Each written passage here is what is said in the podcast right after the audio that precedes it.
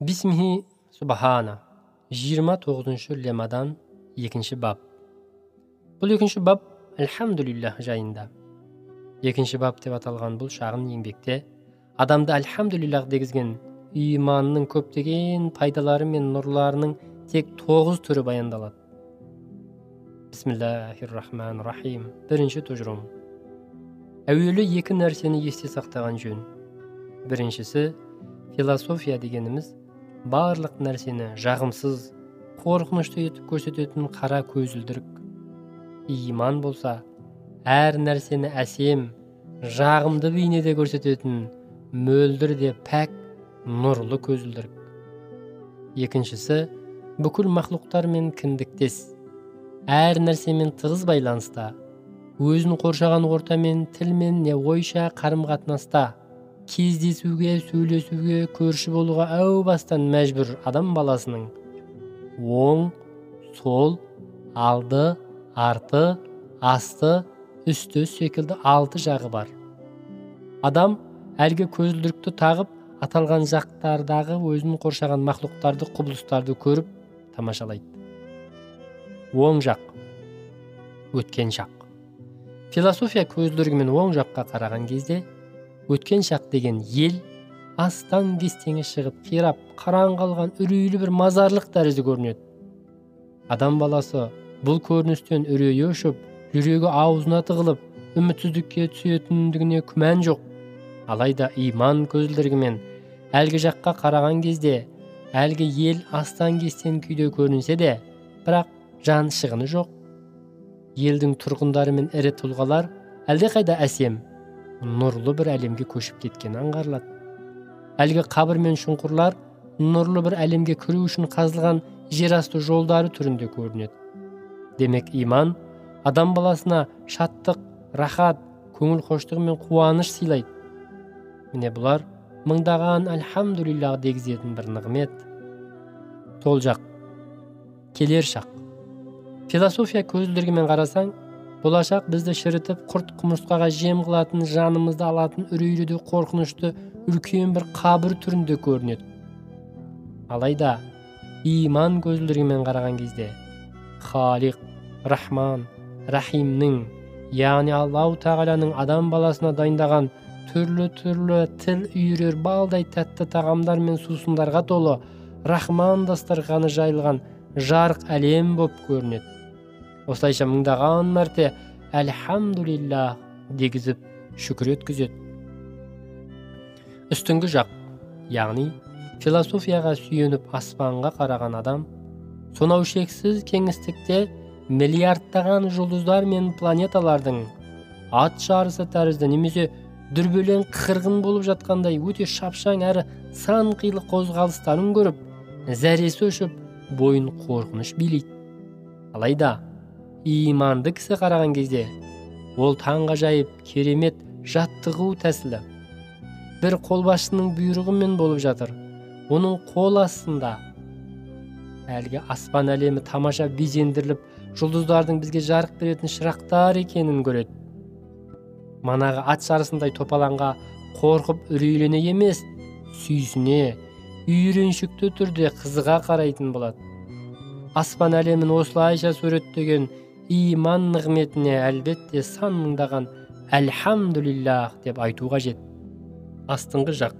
Яғни жер планетасына философия көзімен қараған сәтте жер шары беталды жүгенсіз күннің айналасын шыр айналып жүрген бір хайуан секілді. Немесе штурвалы сынық капитаны жоқ бір кеме тәрізді көрініп адамның зәресін алады.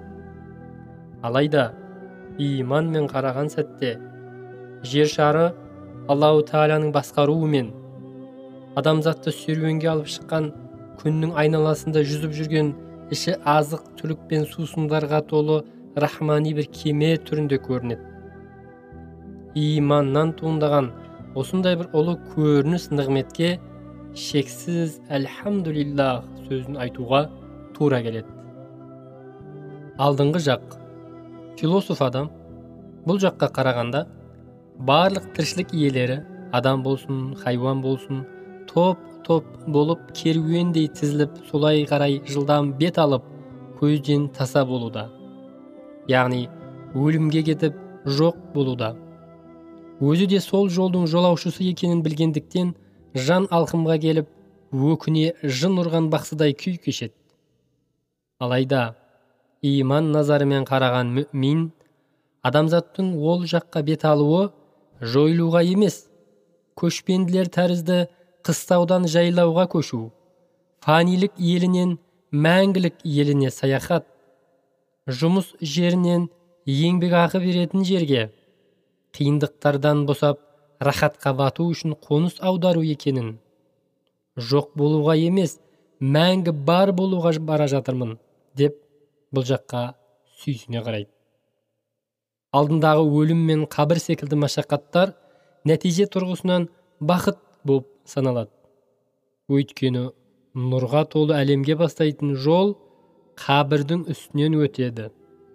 Ал өмірдегі қиыншылықтар мен пәлекеттер зор бақытқа бөленуге себеп болады.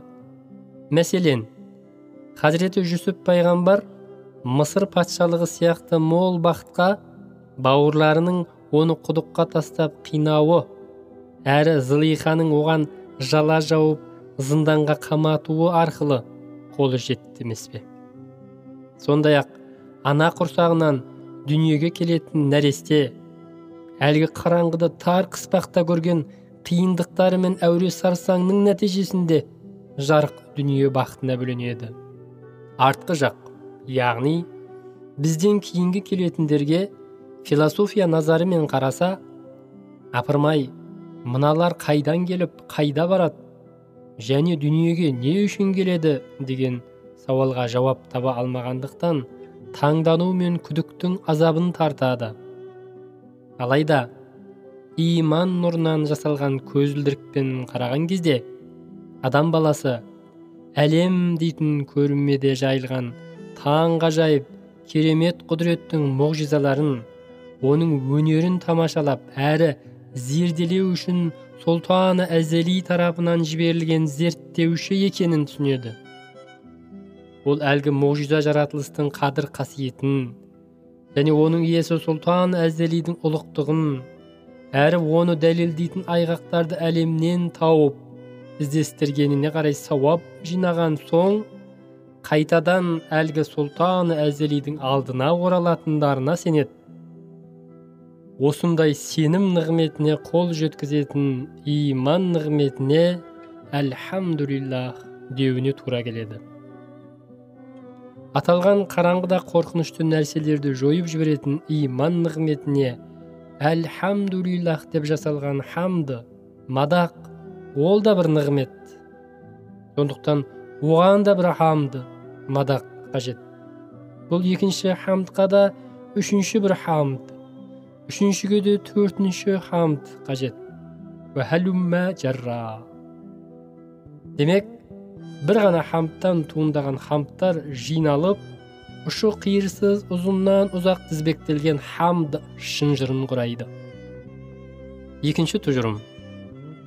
Алты жақты нұрға бөлейтін иман дейтін құнды нығметке әлхамдулиллах деп айту керек. Өйткені иман алты жақтың қараңғылығын жою арқылы пәленің бетін қайтарып қана қоймай әлгі алты жақты нұрға бөлеу тұрғысынан алып қарағанда да пайда беретіндіктен екінші бір нығмет болып саналады.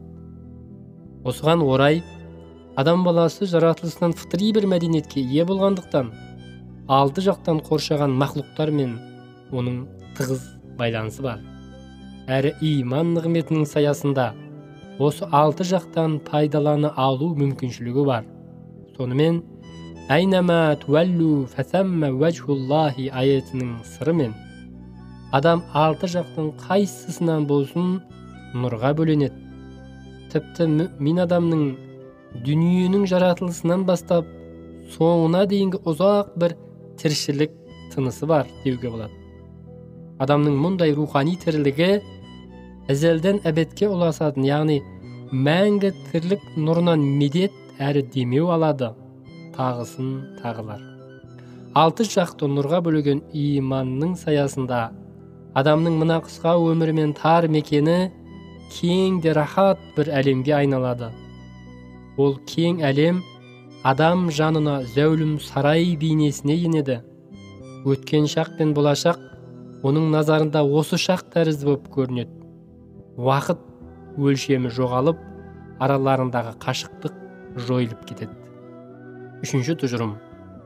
Имандылық адамзатқа сүйеніш медет беретіндіктен оған да әльхамдулиллах деп шүкір ету керек. Иә адамзат тым әлсіз әрі қауіпті дұшпандары көп болғандықтан арқа сүйер бір тіренішке мұқтаж ақ. Соған сүйеніп дұшпандардың бетін қайтарады. Сондай ақ қажеттіліктері де көп. Пақырлық болса шыдатпай жанына бататындықтан жәрдемге де мұқтаж сол жәрдем саясында сансыз қажеттіліктерін қамтамасыз етеді. Ей адам сенің арқа сүйерің жалғыз ғана аллаху тағалаға деген иманың. Жаныңа медет болар жәрдемшің тек қана ақирет күніне деген иманың. Міне осы екі нәрседен хабарсыз адамдардың жаны мен жүрегін үрей басады. Жан дүниесі астан кестең боп азап шегеді. Бірақ біріншісінен сүйеу тауып екіншісінен жәрдем алған кезде адам жүрегімен рухымен көңілімен жан тәнімен рахат пен ләззатқа батып көңілі жай табады. Ішкі дүниесіне тыныштық орнап жұбаныш табады. Төртінші тұжырым. Заңды ләззаттар аяқталғанда пайда болатын уайым мен өкініштерді иман нұры қуаныштарға айналдырып жібереді. Яғни ол ләззаттар жалғасын табатынын дәл сондай ұқсасы бар екендігін көрсету арқылы мүлдем басқа мағына береді. Сондай ақ нығметтер жалғасып азаймайтынын және олардың қайнар көзі бітпес бұлағы бар екенін көрсету арқылы көңілді көншітеді. Сонымен қатар қоштасу мен айырылысудан пайда болатын өкініш пен қайғыларды қайта қауышу болатынын ол бір жаңару түрлену оның өзіндік бір ләззаты бар екенін көрсету арқылы жойып жібереді. Яғни аяқталатынын ойлағанда бір ләззаттан көптеген қайғылар пайда болады. Иман болса келешекте жаңаша бастапқысына ұқсас ләззаттар күтіп тұрғанын еске түсіріп қайғы бұлттарын сейілтеді. Әрі ләззаттардың жаңаруында өзіндік ләззаттар бар. Рас бір түйір жемісті алайық. Егер оның ағашы болмаса сол жеміс пен шектеулі ләззат оны жеп бітіргенде өкінішке айналады. Ал ол жемістің ағашы көзге көрініп яғни мәлім болған жемістің аяқталуы адамды өкіндірмейді. Өйткені оның орнын толтыратын басқалар бар. Әрі жаңарудың бір ләззаты бар.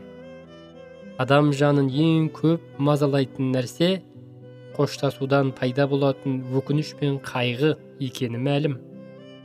Иман нұры болса ұқсастары орнына қайта келеді. Тағы да қауышу болады деген үмітпен әлгіндей уайым қайғылардың бетін қайтарады. Бесінші тұжырым. Иман нұры. Мына әлемде адам баласына дұшпан бөтен немесе өлі жетім сияқты жансыз меңіреу болып көрінген нәрселерді сүйкімді және бауыр тірі етіп көрсетеді. Яғни бейқам адам қоршаған ортаны өзіне қауіпті дұшпан тәрізді көріп үрейі ұшады оларға жатырқап қарайды. Өйткені хақ жолдан тайғандардың көзқарасы бойынша өткен шақ пен болашақтағы нәрселер арасында бауырластық жақындық байланыс атымен жоқ. Тек осы шақта ғана аз бір байланыс бар. Сондықтан хақ жолдан адасқандардың бір біріне деген бауырластығы бір сәттік. Уақытша болатыны осыдан. Ал иманды көзбен қараған жан барлық нәрсені тірі әрі бір біріне туыс бауыр екенін әр нәрсе өз тілімен жаратушы халиқына тәсбих етіп дәріптейтінін көреді. Міне осы тұрғыдан алып қарағанда болмыстың өзіне тән тіршілік тынысы рухтары бар. Сондықтан имани көзқараста әлгі нәрселерден қорқу үрейлену емес керісінше достық үйреншіктік жақындық сезіледі. Адасушылық көзқарас адамзат талап тілектеріне жету жолында дәрменсіз босқа аласұрған иесіз қорғансыз әрі өкінішті қайғылы да мұңды ғұмыр кешкен шарасыз жылаған жетімдер сияқты көреді. Ал иманды көзқарас тіршілік атаулыға зар еңіреген жетімдер емес әр қайсысына белгілі бір міндет жүктелген қызметші зікір етуші закир және бағынышты құлдар деп қарайды. Алтыншы тұжырым. Иман нұры. Дүние және ақырет әлемдерін сан алуан нығметтермен безендірілген екі түрлі дастархан түрінде суреттейді. Мүмин иманы арқылы ішкі сыртқы мүшелері мен рухани сезімдері мен әлгі дастарханнан пайдаланады. Ал көпірлік назарда тіршілік иелерінің пайдалану алаңы тарылып материалдық ләззаттармен ғана шектеліп қалады. Имандылық көзқараста болса көк пен жерді қамтитындай пайдалану алаңы ұлғайып кеңейе береді. Иә мүмин адам аспандағы күнді өз үйінің төбесіне асулы шырағдан айды жол көрсетуші шам деп қарайды. Осылайша күн мен ай өзіне берілген бір нығмет болады. Сондықтан мүмин адамның пайдалану алаңы аспан әлемінен де әлдеқайда кең. Иә қасиетті құран кәрім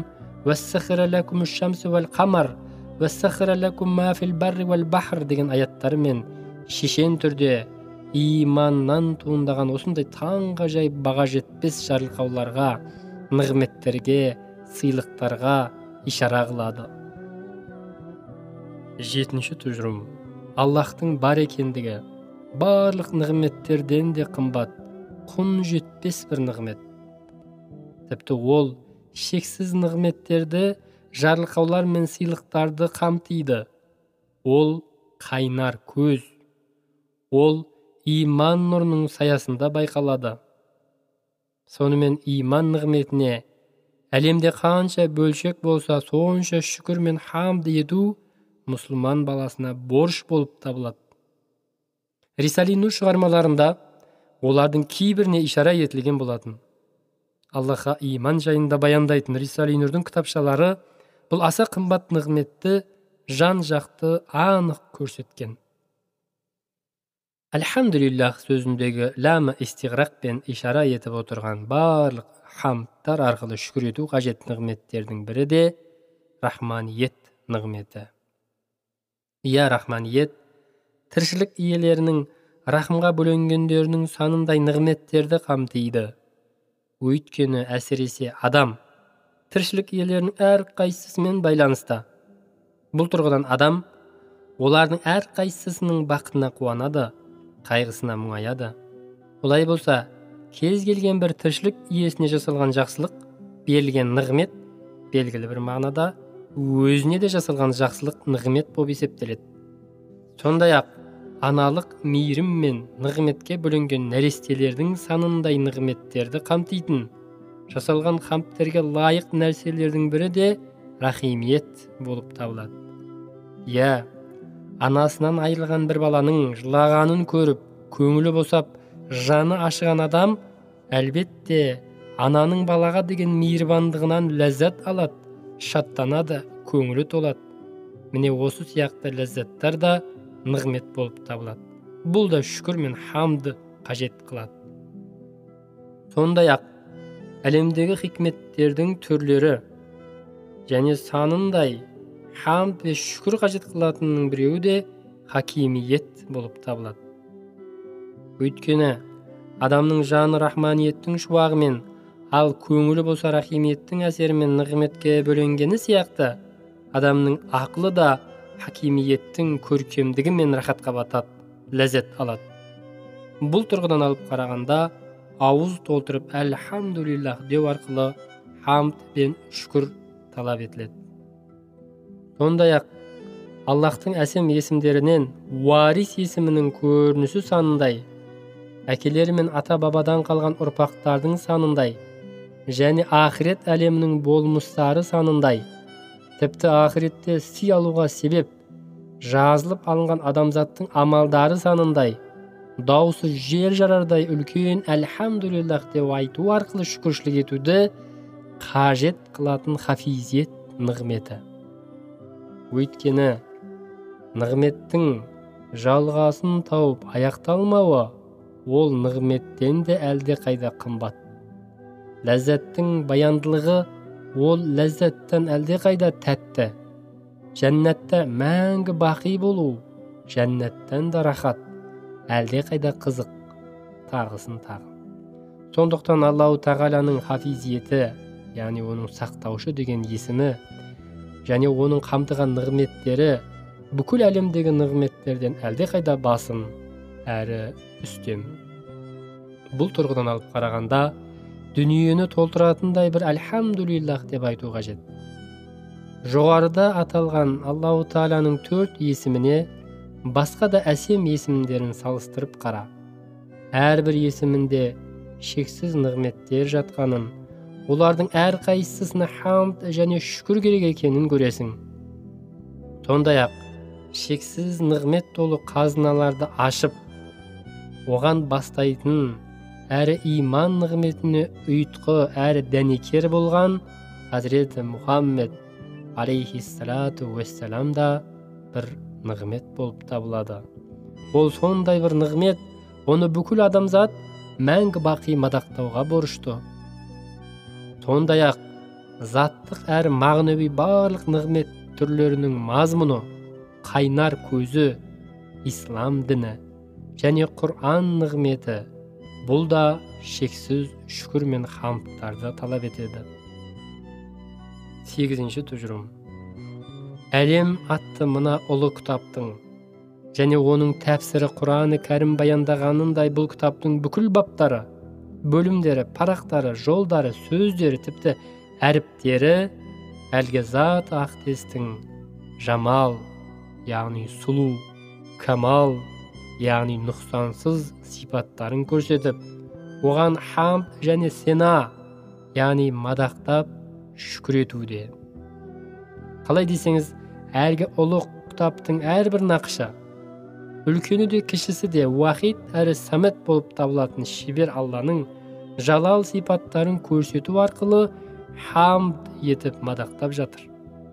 Сондай ақ ол кітаптың әрбір жазуы рахман әрі рахим жазушысының әсем есімдерін көрсету арқылы мадақтаушы қызметін атқарып жатыр. Сондай ақ әлгі кітаптың барлық жазулары нүктелері нақыштары әсем есімдерінің көріністері мен сәулелеріне айна болып шағылыстырады да әлгі зат ақтесті қадірлеу мадақтау дәріптеу қызметін атқарады. Сол сияқты әлгі кітаптың әрбір шумақ өлеңі өзін жазған қадир алим ақынын мадақтап қастерлейді. Тоғызыншы нүкте. Менде мұндай құпия сырлардың кілті жоқ. Сондықтан аша алмаймын. Оның үстіне аузы берік ораза ұстаған адамның басы мұндай сырларды аша алмайды да шеше алмайды. Кешірім өтінемін. Мұның өзі автордың рухани жәрдемімен ғана және қадір түнінің берекеті арқылы сондай ақ мәулананың көршілестігінен пайдалана отырып жазу нәсіп болды. Әйтпесе аудармашы әбділмәжид нұрси.